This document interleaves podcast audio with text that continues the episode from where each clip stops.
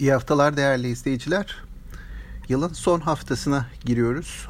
Malum bu hafta içerisinde gerek devam eden tatiller gerekse de bazı piyasaların bu hafta içerisinde erken kapanış yapacak olması nedeniyle kısa bir hafta olacak.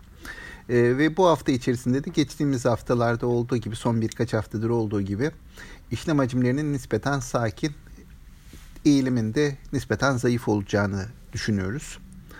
Ee, yurt içi beklentilere bakıldığında geçtiğimiz haftayı borsa hafif artışla tamamlamıştı. Pazartesi günü sert satışlar vardı. Bu özellikle yeni tür Covid ile ilgili olarak e, bir takım endişeler oluşmuştu. Bunun getirdiği satışlar vardı.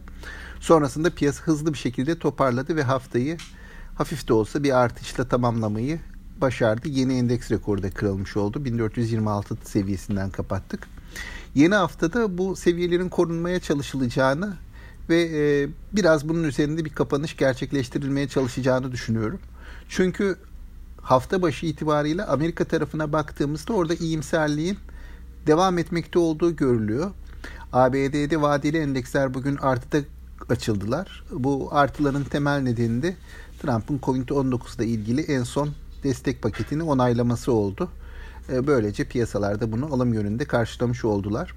Haftanın geri kalanında da genelde Türkiye piyasası hisse senetlerimiz yön belirlemek için yurt dışına bakacak. E, buradaki eğilimler dikkate alınacak. Buradaki eğilimlerin de nispeten sakin olacağını, dolayısıyla bize yansımalarının da nispeten sakin olacağını tahmin ediyorum. E, tüm izleyicilere iyi bir hafta diliyorum. Bereketli, bol kazançlı günler diliyorum. Yeniden görüşmek dileğiyle.